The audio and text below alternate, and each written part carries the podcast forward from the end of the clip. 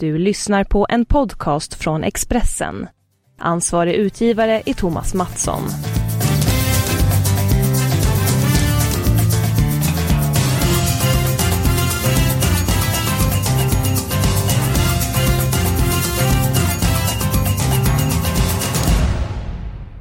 Fotbolls-VM i Ryssland är väldigt nära nu. Temperaturen den är hög. Det är så att jag nästan har feber varenda morgon när jag vaknar. Jag längtar så mycket till mästerskapet i Ryssland. Sverige är ju med i VM. Spelade mot Danmark i helgen. Magnus Haglund 0-0 och publiken buade efteråt. Vad spelar förtjänt av publikens missnöje? Jag tycker att eh det är klart att förväntningarna från publiken finns där. Det var väldigt många människor på plats. Man vill se Sverige spela sprudlande fotboll.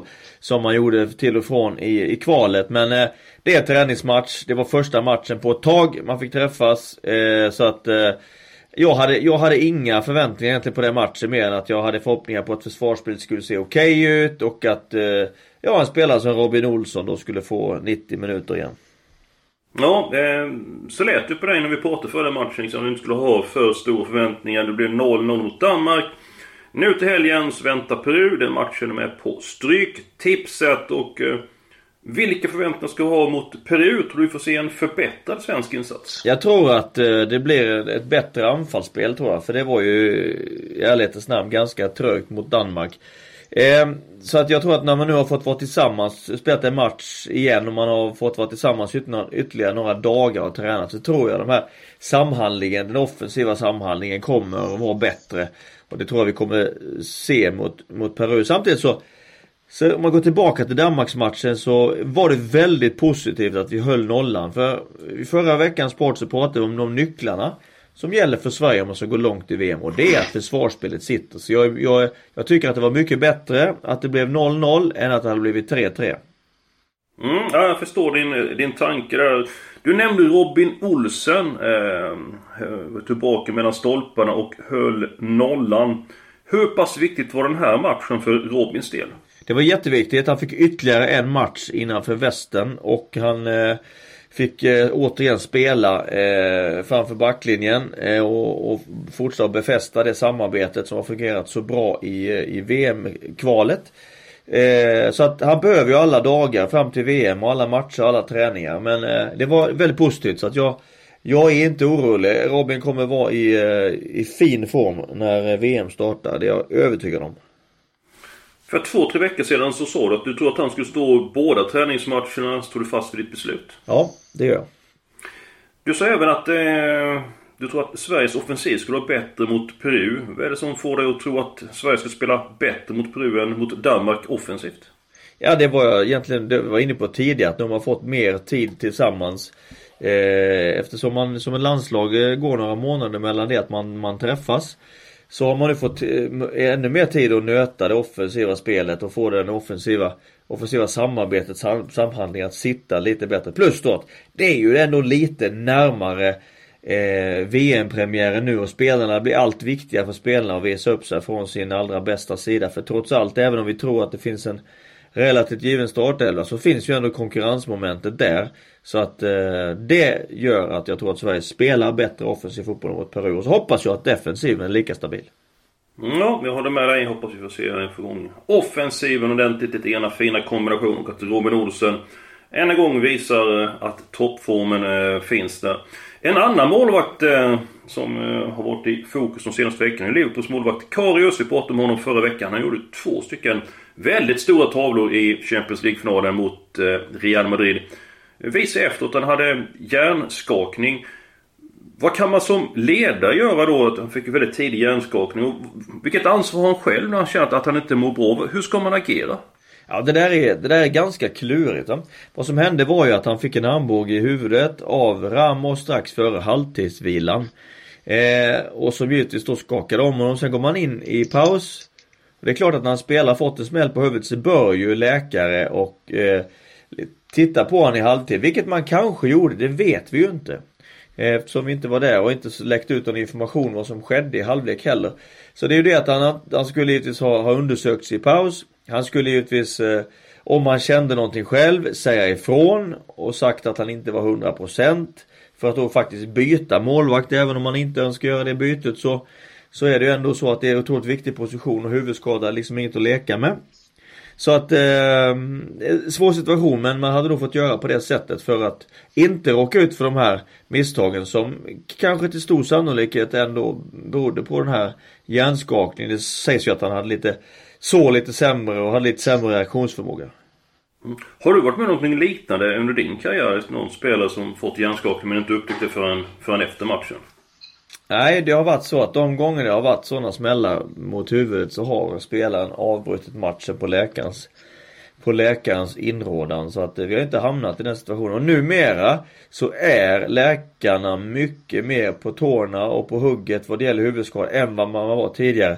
För att man har ju sett då de stora konsekvenserna som kan bli med upprepade hjärnskakningar med men för resten av livet faktiskt. Ja, jag hoppas nu att Karius eh, återhämtar sig, att han kommer tillbaka både fysiskt och eh, psykiskt. Eh, så att han kommer över den här fadäserna som hände då mot Real Madrid. Eh, Sergio Ramos är ju en eh, tongivande spelare i Real Madrid. Eh, det är inte så att han medvetet skadar eh, Karius eller skadar Karius. Eh, men även Salah, han var inblandad i en situation med en annan tongivande spelare i Liverpool. Eh, Ramos är en sån spelare som tänjer på gränserna och får eh, kanske då ett par domslut, domslut med sig jämfört med ett par andra backar med att det är en, han har stor pondus och auktoritet. Ja, han har väldig pondus och auktoritet och, och bidrar med väldigt mycket eh, kraft och duellspel som kanske motvikt till många av de eh, tekniska och otroligt eh, spelskickliga spelarna i Real Madrid. Så han är ju en superviktig spelare absolut så att han ligger på gränsen och man kan väl säga att eh, flera gånger så, så går han över den gränsen och han har väl, jag kan väl tycka att han har kommit undan med det ganska Ganska många gånger men det är möjligt att det blir ett ökat fokus på det nu när eh, det här uppdagas att han kanske gav eh, Karius då en hjärnskakning. Vilket ansvar ligger på domaren en sån här match? Alltså det är inte lätt att vara domare. Det går så oerhört snabbt i dagens eh, fotboll och eh, det är ju ge och ta. Men vilket ansvar tycker du att domarna har i den här situationen om vi då tar upp det med Ramos? Ja, alltså domaren får ju döma på det han ser. Eller att någon av de assisterande domarna ser. Och har man inte sett de här situationerna eh, tillräckligt klart eller inte har sett dem så är det svårt att och ingripa. Men man tycker ju att, eh, att eh, med tre domare och plus en fjärde domare, de bör hjälpas åt. Det är åtta ögon som, eh, som hjälps åt så att man tycker att man borde fått med sig den situationen och det blir det. Borde kanske blivit en, en konsekvens av den situationen. Ja, vi får se vad som blir framöver. Magnus, ska vi gå på de helgarderade matcherna på kupongen? Det tycker jag är lämpligt. Då är det två stycken matcher i Division 1 som jag vill helgardera. Den ena matchen match nummer 9. Nyköping mot Sandviken. Sandviken eh, skrällde i helgen mot eh, Assyriska. Fick äntligen utdelning. Man har spelat bra en längre tid men varit väldigt eh, trubbigt. Eh, Nyköping har haft svårt att förvalta sina chanser och släppt in en hel del mål. Alla tecken i matchen. Match nummer 10, Rynninge mot Forward. Rynninges formkurva har pekat uppåt på sistone. Forwards eh, formkurva går åt motsatt håll. Det får bli alla tecken där. Och match om ett, Sverige-Peru. Sverige är ju klar favorit på Stryktipset. Eh, jag hoppas och tror att Sverige gör en bra insats men spelvärdet ligger på Peru. Så jag ser alla tecken i den matchen. Eh, vad tror du mellan Sverige och Peru, Magnus? Jag tror att som sagt att Sverige skruvar upp eh, sin, eh, sina offensiva kvaliteter och med bibehållen defensiv så tror jag att man har god chans att, att, eh, att vinna den matchen. Jag tror inte man förlorar den i vart fall. Så att eh, visst kan man gå med alla tecken. Eh, men jag har feeling för att Sverige är bättre den här gången. Mm, vi får se. Jag tippar lite grann mindre, kanske ett kryss på eh, kupongen. Vi tar de säkra matcherna när vi ändå är igång. Match nummer 7, Öster mot Norrby. Öster har faktiskt inte vunnit hemma. Mycket märkligt att få tillbaka två stycken eh, spelare som var avstängda senast mot Frej. Då tappade man spelet efter paus, men gjorde likadant i matchen innan mot HBK. Då var de faktiskt avgjort före pa eh, paus mot Halmstad. Det kunde stått en 3-4-5-0 för så pass bra var Öster. Möter Norrby som bröt sin förbannelse senast. Nu tror jag att Öster bryter sin förbannelse när de spelar på eh, hemmaplan. Är det något lag som du känner extra mycket för i Superettan? Ja, jag tror att eh, AFC Eskilstuna hemma mot Landskrona har en väldigt bra chans eh, att vinna den matchen. Mm, du får motivera varför. Ja, eh, AFC har ju inlett säsongen strålande. Man har släppt in eh, endast fem mål, gjort 19. Eh, var ju, spelade ju borta mot Jönköping senast. Tre spelare var då avstängda. Mm. Eh, spelade 0-0 på Stadsparksvallen men var det laget som låg närmast segern. Så att eh, jag tror att eh, min gode vän Nemanja Miljanovic som eh, tränar AFC och som var assisterande tränare till mig förra året i Elfsborg kan räkna hem tre poäng eh, på lördag. För AFC, de ser eh, mycket vassa ut. Speciellt hemma på konstgräset i Eskilstuna. Ja, jag håller med dig. Jag tycker de har fått ordning på sitt eh, spel. Fick in ett par spelare sent i truppen. Men är inne i en väldigt positiv trend. Landskrona är inte dåligt. Eh, närmar seger mot Gais senast. Men den här uppgiften är en av säsongens svåraste. Så vi spikar ettan på AFC Eskilstuna. Och så tycker jag att vi spikar ettan i match nummer tre. Frankrike mot USA. Nu är det vänskapsmatch. Det är en landskamp. Det blir en del byten och det påverkar matchrytmen och så vidare. Men Frankrike är ju en av huvudkandidaterna till att vinna guld. USA är faktiskt inte med i VM i semesterskapet för första gången sedan 1994. Så jag tycker spika ettan där. En annan stor fotbollsnation som du eh, tog fram som en eh, som VM-vinnare, det är ju Tyskland. Förlorade mot Österrike i, i helgen. Är du orolig för ditt tips, Magnus? Nej, det är jag inte. Eh, jag är övertygad om att Tyskland eh, kommer göra ett mycket bra VM och då vet vi att de har chans att, eh, givetvis chans att, att bli världsmästare. Så det gäller fortsatt som mitt tips. Leroy Sané. Eh, en stor rubrik i veckan. Kom inte med i Tysklands trupp. Hur förklarar du det? Fotbollsmässigt så är det givet att han är kvalificerad att vara bland de 23 spelarna som eh, Joakim Löw skulle haft med sig till, eh, till Ryssland. Eh, men det är ju inte bara det som, eh, som gäller utan det gäller också att få en grupp som fungerar fullt ut. Eh, annars blir det väldigt mycket energitapp och då kommer de inte bli världsmästare. Då kommer de inte få ut sin potential och det krävs att bli världsmästare. Eh, Joakim Löw valde då att inte ta med Leroy Sané för att han tycker att han har dåligt kroppsspråk, att han bidrar med, med negativ energi i gruppen och ja, då, då valde han att låta han vara hemma och det, det kan ju i så fall varit riktigt. Men kan man inte göra någonting som ledare och prata med dem så att liksom att eh, Jag vill ha med dig i fotbolls-VM men de här kriterierna. Jag vill inte se någon negativ energi mot lagkamraterna. Jag vill se positiv energi på planen. Kan man inte prata med spelarna? Man måste väl kommunicera? Absolut och jag, jag tror absolut att han också har gjort det. Men att det då inte har fått den effekten. Jag är säker på att han har Att han, att han liksom i ett tidigt skede har har påtalat detta men om han inte har sett någon bättring, ja då får ju på något sätt eh, Sané stå sitt kast. Ja, står du fast vid att Tyskland vinner VM-guld? Ja. Jag hoppas att du har fel. Jag hoppas att man går på en propp i gruppspelet mot Sverige. Men eh, det är mer min förhoppning. Eh, Tyskland eh, blir i allra högsta grad att räkna med. Det finns så många kvaliteter i det fotbollslaget. Vi har halvgarderingarna kvar. Match nummer 5, Bråge Varbergs Boys. Eh, Varbergs Boys har fått bedrövlig utdelning på sistone. Det blir en del enkla mål. Och så på en enkla mål och tar de inga poäng. Så att defensiven sitter bättre. Brage ska favorit i kraft av hemmaplan. Men jag tycker ändå man ska ta med krysset. Match nummer 12, Ljungskile mot Ängelholm. Ett kryss även där. Och match nummer 13, Torn mot Tvååker. Det får bli ett kryss i den eh, matchen. Torn eh, var försvagat mot Kristianstad i helgen. Då saknar man eh, sina mittbackar. kommer bättre rustad till den här matchen. Eh, vad kan du berätta om Torn, Magnus? Ja, Torn är ju en härlig, eh, har gjort en härlig resa. är ju en liten klubb från Lund som ju för 2007 spelade i division 5. Eh, har alltså klättrat fyra divisioner på på, på de här åren. Eh, så man har gjort en liten Åshöjden-resa.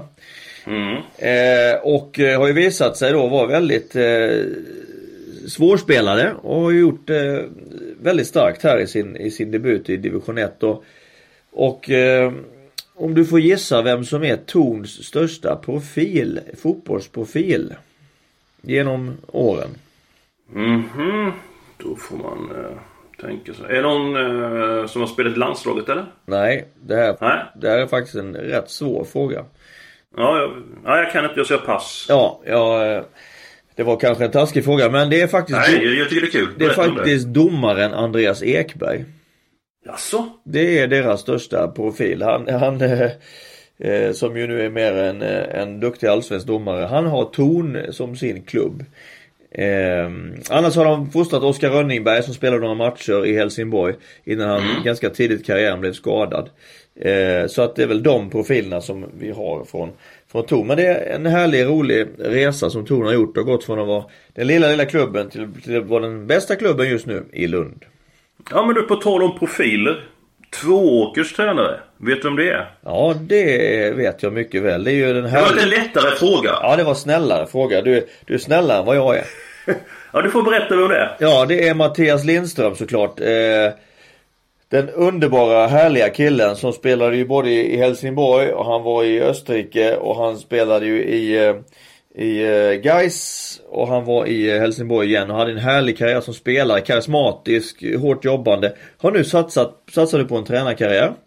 Och har tagit eh, två åker från division 2 till division 1. Dessutom så gjorde de ju ett härligt eh, gruppspel i eh, Svenska cupen. Skakade om eh, såväl eh, eh, Norrköping som eh, Örebro och eh, Helsingborg var i den gruppen också ju. Eh, fantastiskt bra. Eh, ambitiös, höga, höga ambitioner med sin tränarkarriär Mattias. Och eh, har fått en jättefin start så att eh, Ja det är kul. Ja, eh, helst skulle vi vilja ha alla tecken i den matchen men vi har inte den plånboken så vi får nöja oss med ett kryss där. Hoppas ni är nöjda med veckans avsnitt. Eh, nästa vecka är vi tillbaka med avspark. Då snackar vi Stryktipset igen. Vi snackar fotboll igen och fotbolls-VM är igång. Fram till dess så får ni ha det riktigt bra.